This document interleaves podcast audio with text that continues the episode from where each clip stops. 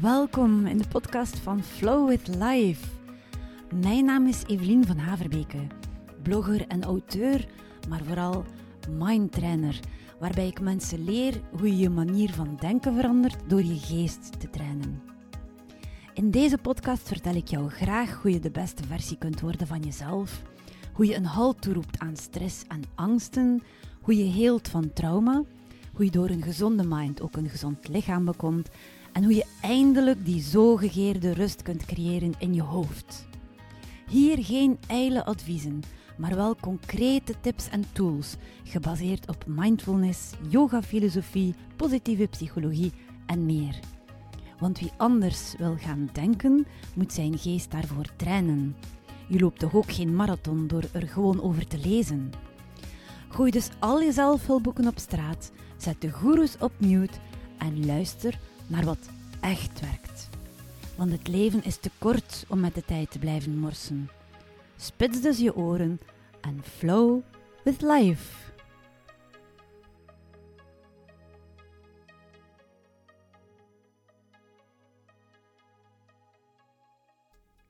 En in deze aflevering ga ik het hebben over een superpower die ook jij in je hebt, namelijk je ademhaling. Waarom is je ademhaling zo'n superpower? Hoe kun je haar maximaal inzetten in je voordeel? En waarom werken ademhalingsoefeningen ook tijdens de rest van de dag? En zelfs s'nachts, wanneer je ze niet doet. Om te beginnen dus je ademhaling als een superpower. Om dat te kunnen uitleggen moet ik je ademhaling eventjes situeren in de functies van je lichaam. Er zijn namelijk dingen die we heel bewust doen met ons lichaam. En dan zijn er bepaalde dingen die gewoon vanzelf gebeuren. En dat zijn de functies van ons autonome zenuwstelsel. Zoals bijvoorbeeld je spijsvertering. Als je eet, dan hoef je er gelukkig niet bij stil te staan dat je maag moet gaan werken en daarna je darmen. Dat gaat vanzelf. En ook je hartslag, die gaat helemaal vanzelf. Je ademhaling is ook zo'n functie. Je hoeft er niet aan te denken. Als je slaapt, dan blijf je ademen. Meestal toch. Gelukkig maar. Maar er is één heel groot verschil tussen onze ademhaling en die andere functies van ons autonome zenuwstelsel. Want die ademhaling, als we willen, hebben we die wel onder controle. We kunnen sneller ademen op commando. We kunnen trager gaan ademen omdat we dat willen. En we kunnen ook onze adem even inhouden. We kunnen dat zelfs oefenen om langer en langer die adem in te houden. Onze ademhaling hebben we dus wel voor een groot deel onder controle. En dat maakt het nu net zo'n krachtige tool. Want die ademhaling zelf, die heeft een invloed op alle andere functies van je lichaam. Die heeft een invloed op je spijsvertering, op jouw zenuwstelsel, op alle functies. En zeker ook op jouw stressniveau op de emoties die je ervaart. Want onze emoties en het stresssysteem die staan in rechtstreeks verband met de manier waarop we ademen. En dat werkt zelfs in twee richtingen. Als jij snel en oppervlakkig ademt, dan zul je stress creëren. Maar als jij stress ervaart, dan ga je ook sneller en oppervlakkiger ademen. Het gaat dus in beide richtingen. Want wie de eerste aflevering gehoord heeft van mijn podcast, die heeft begrepen dat we de vecht- of vluchtreflex ontwikkeld hebben als mens, heel, heel lang geleden, in de oertijd zelfs nog, en dat we die allemaal kunnen ervaren. Wanneer we stress hebben, wordt die geactiveerd. En een van de kenmerken die ik toen opzomde, die deel uitmaken van de vecht- of vluchtreflex, dat was dat je een snelle en oppervlakkige ademhaling krijgt. En dat betekent dus, zodra jij stress ervaart, ga je sneller ademen, oppervlakkiger ademen. Maar het gaat ook omgekeerd. Want als jij verkeerd ademt, dan gaat er een signaal naar je hersenen dat weer een alarmsysteem daar activeert en dat vertelt: er is gevaar. En zo kom je eigenlijk in een vicieuze cirkel terecht.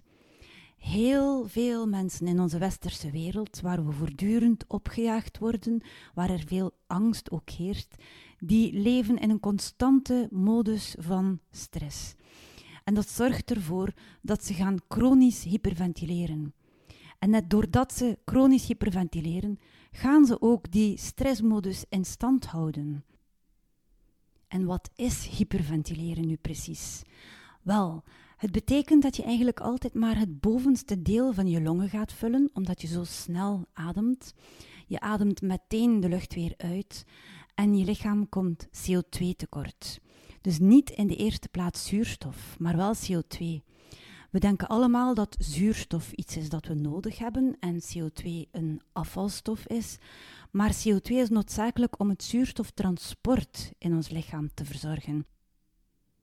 En bij een snelle ademhaling is het dus zo dat we in, de eerste plaats die CO2 tekort komen om die zuurstof rond te brengen in ons lichaam naar alle cellen en naar alle organen. Wie chronisch hyperventileert, die heeft dan ook vaak symptomen die daaruit voortkomen, zoals tintelingen, hoofdpijn, een ijlhoofd, spierpijn, slapeloosheid en zelfs depressie. En nog heel wat andere symptomen. Maar gelukkig, er is wel een oplossing om uit die vicieuze cirkel te geraken. En dat zijn ademhalingsoefeningen. En dan vooral die prachtige ademhalingsoefeningen uit de pranayama. Heel vaak heb ik mensen die naar me toe komen, die rust zoeken en ze vragen om hen te leren mediteren. En dan vertel ik altijd: ik heb een training, rust in je hoofd. Meditatie komt daarin aan bod. Je leert mediteren. Ik leer jou ook verschillende soorten van meditatie. Maar we moeten starten met je ademhaling. Die ademhaling die heeft namelijk een onmiddellijk effect. Als je ademhalingsoefeningen doet, dan is het instant dat je je beter gaat voelen. Met meditatie vergt het veel meer tijd. Het gaat trager. Het heeft zeker ook zijn waarde, maar die ademhaling is zo essentieel om mee te starten. En dan vind ik het zo belangrijk om ook echt daarmee eerst aan de slag te gaan. En wat is pranayama nu? Dat zijn de ademhalingsoefeningen uit de yoga-traditie. En die bestaan al duizenden jaren. Die hebben al duizenden jaren dus ook hun nut bewezen. En die omvatten eigenlijk alle soorten oefeningen die je maar kunt nodig hebben voor alle functies van je lichaam. Er zijn rustgevende ademhalingsoefeningen. Er zijn ook ademhalingsoefeningen die zorgen dat er energie opgewekt wordt in je lichaam. Je kunt die dus doen naarmate je behoefte hebt aan het een of aan het ander. Alle ademhalingsmethodes die nu aangeboden worden, zoals de Wim Hof-methode, die tegenwoordig erg populair is, de Buteyko-methode en dan zijn er nog zoveel anderen, die zijn in feite allemaal gebaseerd op pranayama. Soms zijn ze wel net iets te eenzijdig. Dan zijn er technieken die bijvoorbeeld volledig focussen op het opwekken van energie, maar waar je niets aangeboden krijgt om tot rust te kunnen komen. Of je hebt het omgekeerde. En eigenlijk heb je beide soms nodig. En daarom is pranayama zo waardevol. Alle mogelijke ademhalingsoefeningen voor alle mogelijke doelen vind je in de pranayama-traditie. Maar de basis waarmee je absoluut moet starten, dat is toch wel buikademhaling. Eerst en vooral moet je leren ademen met je buik. Maar wat betekent dat nu precies, buikademhaling? Ik herinner me dat ik als prille dertiger stemproblemen had en ik moest logopedie volgen. En de logopediste die vertelde mij dat het belangrijk was dat ik aan buikademhaling deed. En toen ik vroeg hoe ik dat moest doen, dan zei ze: bij het inademen moet je buik naar voren komen en bij het uitademen moet je je buik intrekken. Maar ze vertelde dus echt wel, moet je je buik intrekken. Dus ik moest actief iets doen. En dat deed ik dan ook.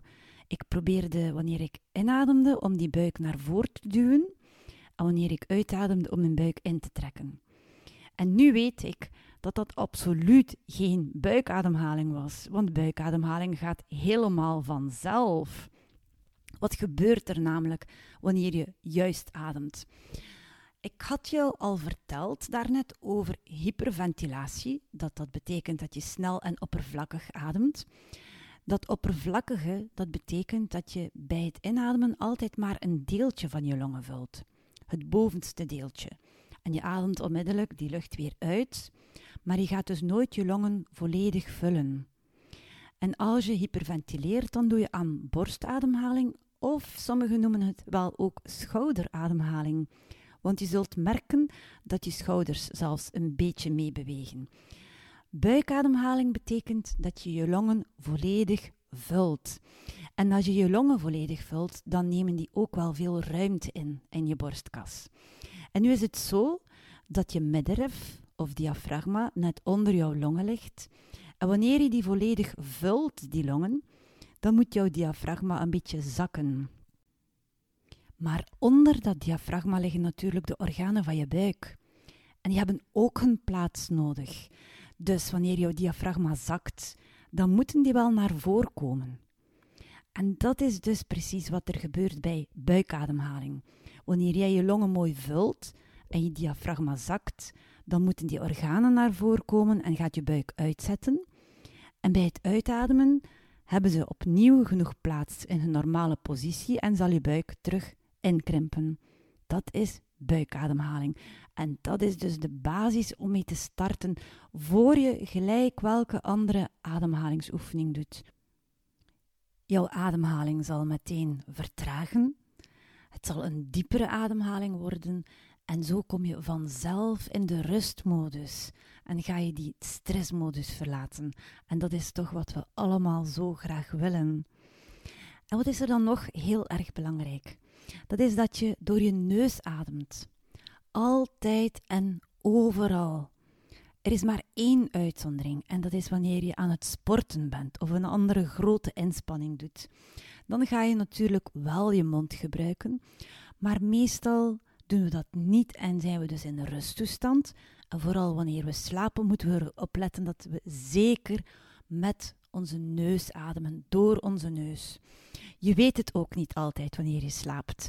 En dan is het handig om, als je een partner hebt, even aan je partner te vragen of je wel door je neus ademt.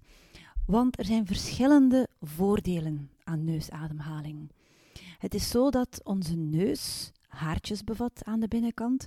En wanneer je ademt, de lucht komt naar binnen via je neus, dan gaan die haartjes bepaalde stofdeeltjes tegenhouden. Soms houden ze zelfs ziekmakers tegen, virussen, bacteriën, zodat ook die je lichaam niet kunnen binnendringen. Dus dat is al een eerste voordeel. De lucht die wordt gefilterd. Een tweede voordeel is dat de lucht wordt opgewarmd via je neus. Je kunt je voorstellen als het winter is en je loopt buiten en je ademt via je mond, dat die ijskoude lucht rechtstreeks naar je longen gaat en dat dat zeker niet goed kan zijn. Als je via je neus ademt, dan is de weg net iets langer om je longen te bereiken. En zo is de lucht toch net iets warmer. Een derde voordeel, dat is dat je minder snel gaat hyperventileren via je neus. Hyperventileren heb ik jou uitgelegd. Dat betekent dat je de lucht, terwijl je al heel oppervlakkig ademt, onmiddellijk weer uitademt. Daardoor verlies je te snel de CO2, zodat je minder zuurstoftransport hebt in je lichaam. Maar als je via je neus uitademt, dan zijn dat twee kleine gaatjes en dan is het toch een pak moeilijker om die lucht zo snel er weer uit te krijgen. Via je mond gaat het zoveel gemakkelijker. Het is een groter oppervlak. Dus de neiging om te gaan hyperventileren, die wordt toch wel iets tegengehouden door via je neus te ademen. En dan is er een vierde voordeel, en dat is dat er achter je neus een kliertje zit en dat produceert stikstofoxide. En stikstofoxide zorgt ervoor dat je ook meer rust gaat krijgen. Dus alleen maar voordelen. In het Engels zeggen ze dat met een mooie uitdrukking, die je eigenlijk best niet vertaalt, omdat ze zoveel beter klinkt met een rijm erin. Men zegt daar: The mouth is for eating, the nose is for breathing. En dat is toch wel meteen duidelijk. En dan mijn laatste punt van vandaag. Waarom werken ademhalingsoefeningen ook als je ze niet doet? Gewoon tijdens de rest van de dag en zelfs tijdens de nacht. Wel, het is zo dat er twee redenen zijn waarom dit zo is. Om te beginnen, ons lichaam streeft naar gezondheid, naar balans. Ons lichaam zal altijd proberen om zichzelf te genezen. En nu is het zo dat wij allemaal geboren worden als baby's die juist ademen. Als je kijkt naar een babytje dat op zijn rug ligt te slapen, dan zal je zien dat dat buikje prachtig rustig op en neer gaat. Zo hebben we het allemaal gedaan aan het begin van ons leven. Maar in de loop van ons leven, door verschillende factoren, en een van die factoren is dan stress, zijn we verkeerd gaan ademen. Maar als je ademhalingsoefeningen gaat doen, dan zal je lichaam zich herinneren hoe het was om juist te ademen. Het is een reminder. En jouw lichaam zal denken: Oh, zo deed ik het vroeger en zo voelde ik mij veel beter. Dit is de juiste manier. En als je die oefeningen regelmatig doet, dagelijks herhaalt, dan zal jouw lichaam er telkens weer aan herinnerd worden. En dan zal het zichzelf ook weer oefenen in die juiste manier van ademen. En op deze manier ga je na een tijd ook tussendoor, tussen de ademhalingsoefeningen door, juist gaan ademen. Maar er is een tweede reden waarom die oefeningen helpen, ook tijdens de rest van de dag. En dat is dat je door de oefeningen te doen het verschil gaat merken tussen jouw verkeerde ademhaling en dan die juiste ademhaling, die je dus aan het inoefenen bent. En zo zal het komen dat je na een tijdje op bepaalde momenten overdag zelf zult merken dat je niet goed bezig bent. En dan zul je tegen jezelf zeggen: Oei, hier ben ik helemaal verkeerd aan het ademen. En je zult je herpakken. En deze twee redenen zorgen er samen voor dat je door oefeningen te doen, ademhalingsoefeningen elke dag uit te voeren, dat je op een bepaald moment echt wel die overstap maakt naar een correcte ademhaling tijdens de rest van de dag en zelfs tijdens je slaap, s'nachts. Niets dan voordelen dus om regelmatig, dagelijks zelfs ademhalingsoefeningen te doen. En als ook jij die ademhalingsoefeningen uit de pranayama heel graag wilt leren, omdat je aan je gezondheid wilt werken, omdat je minder stress wilt ervaren, omdat je terug in balans wilt komen, dan volstaat het om mij te contacteren en dan kan ik jou die allemaal aanleren.